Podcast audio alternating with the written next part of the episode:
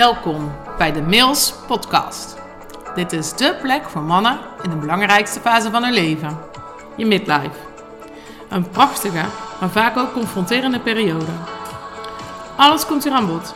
We hebben het over je innerlijke groei, de meest elementaire vragen, tot aan een echte midlife crisis. Maar vooral hoe je weer helderheid vindt in jezelf. Niks blijft onbesproken. Onconventioneel en met allure. Ik ben Marielle Royakkers, life coach voor mannen. Yes, wat leuk dat je weer luistert. In deze aflevering wil ik het met je hebben over moed en lef. En ehm, ja, ik merkte dat ik de afgelopen week zelf een beetje aan het zoeken was. Niet per se nou onderwerp voor podcast, maar meer hoe je het brengt. Um, nou, ik weet niet of velen van jullie regelmatig op LinkedIn zitten. Maar het is dan altijd de ene hype naar de andere hype. En dan ben je of je bent helemaal mee aan het hypen, of je bent een anti-hyper. Zo van uh, de wet van aantrekking. Nou, voor onzin, dat doe ik niet aan. Hè? Ik ben een anti dit. Nou, momenteel zit het helemaal in de high performers.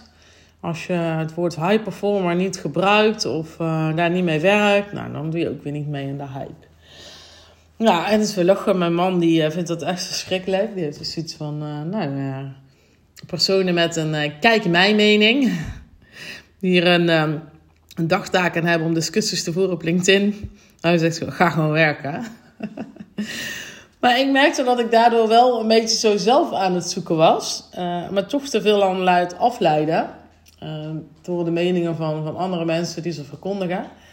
Um, want ja, het is misschien niet meer zo ja, sexy of aantrekkelijk of een hype of zo super uitgesproken om het te hebben over lef of moed. Maar het is wel precies waar ik het over wil hebben. Dus ja. Ik heb al eerder uh, wat gezegd over legendarisch leiderschap. En um, ja, voor mij komt daar dus ook lef en moed bij kijken. Lef en moed omdat je um, dingen. Um, aan te kijken hebt. Jezelf aan te kijken hebt. Want we verschuilen ons ook wel regelmatig achter ons verantwoordelijkheidsgevoel.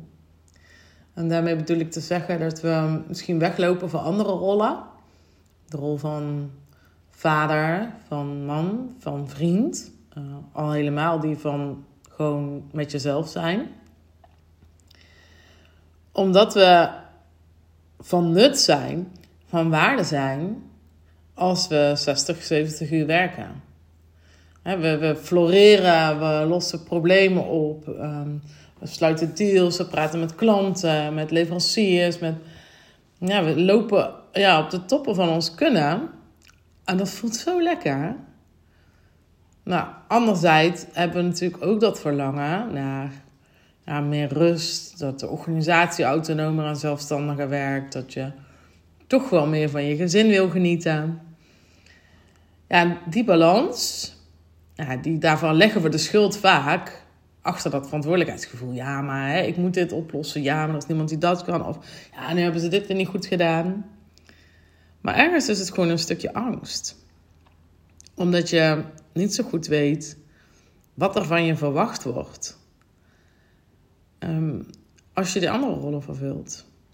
Want wat als je nou vanmiddag om vier uur naar huis gaat? Wat ga je dan doen?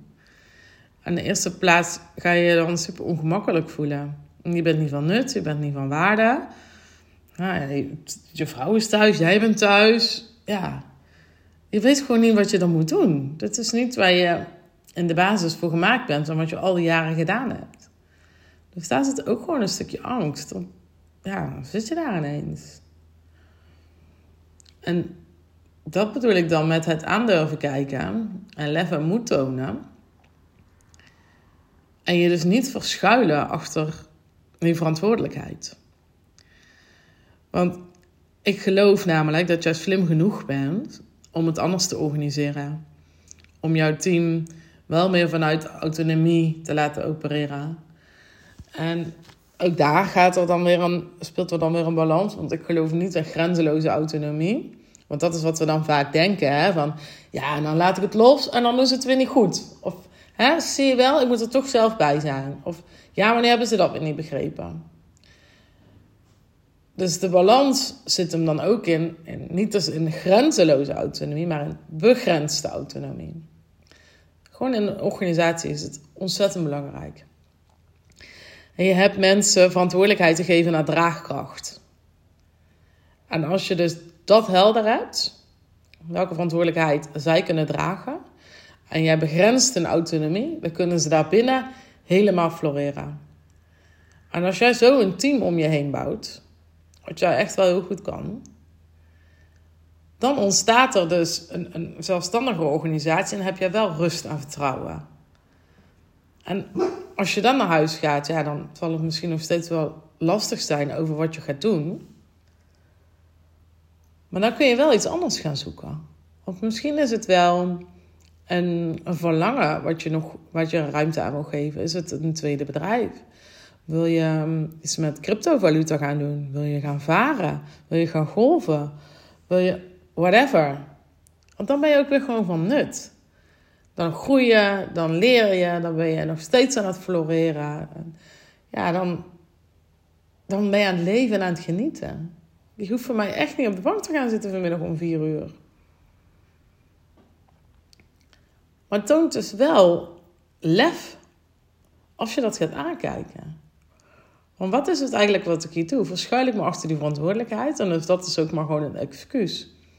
Dat ik nooit thuis ben. Dat ik die andere rollen niet kan oppakken. Dat ik mijn verlangens geen ruimte kan geven. En hoe graag wil je het dan? Hoe graag wil je gewoon die gelukkige man zijn die zichzelf wat meer gaat gunnen? Maar weet je gewoon nog niet hoe? Of vind je dat gewoon nog super spannend? En daarom noem ik het legendarisch leiderschap. En legendarisch is iets groots. Daar zit actie, daar zit lef, daar zit, ja, be a legend. Naar iemand naar wie ze opkijken. Um, iemand die ze inspireert. En daar zit dus ook dat bij. Hoe fucking sexy is het als jij gewoon 40 uur kan werken of minder? En dan toch nog alles zo goed voor elkaar hebt. Ook nog een leven hebt. Ja, dat is toch heel erg aantrekkelijk? Het is toch helemaal niet aantrekkelijk om te moeten zeggen: ja, ik moet echt 60, 70 uur werken, want ja, dat bedrijf kan gewoon niet zonder mij. Ja, sorry, maar dat geloof ik gewoon niet. Je bent echt slimmer dan dat. Je krijgt het voor elkaar om goede mensen om je heen te verzamelen, om dat team te bouwen. Natuurlijk zullen er altijd momenten en beslissingen zijn waar jij bij moet zijn. Maar niet jij alleen en niet 60, 70 uur in de week. Dus ik wil je ehm, uitnodigen. Dat is wat ik heel vaak doe. Hè? Ik nodig je uit. Om daar eens echt over na te denken. Gebruik het als excuus. Verschuil je achter die verantwoordelijkheid. Omdat je misschien nog niet zo goed weet hoe dat je dat moet doen. Of wat er dan gaat gebeuren. En hoe graag wil je het dan echt? Waar verlang je echt naar? Wat kom jij nu tekort? Van wat zou je graag meer willen? Nou, ik zou heel graag over in gesprek gaan met je. Hoe dat jij en van nut kan zijn, super kan floreren, maar ook van het leven gaat genieten. En jezelf iets gaat gunnen. Man, er is echt niks aantrekkelijker dan dat. dan heb ik het over stralen en floreren. En dat zijn misschien niet woorden die je zelf in eerste instantie zou gebruiken. Maar als ik dat zeg, heb je daar wel gelijk een beeld bij. Waarbij jij echt gaat genieten. Zo inspirerend. Laat het me weten als dit resoneert met je. Ik kom heel graag eh, met je in gesprek over hoe we ja, jouw leven met wat meer moed en lef kunnen gaan aankijken. Waar de verantwoordelijkheid zit. Zodat jij super aantrekkelijk gaat zijn. Als man en als leider. Nou, ik wens je een hele fijne dag. En um, oh ja, als je met mij in gesprek wil komen, kun je me gewoon een DM sturen via Insta, via LinkedIn. En dan uh, kijken we eventjes uh, voor een moment waarop we kunnen kennismaken met elkaar via Zoom. ik wens je een hele fijne dag en tot de volgende.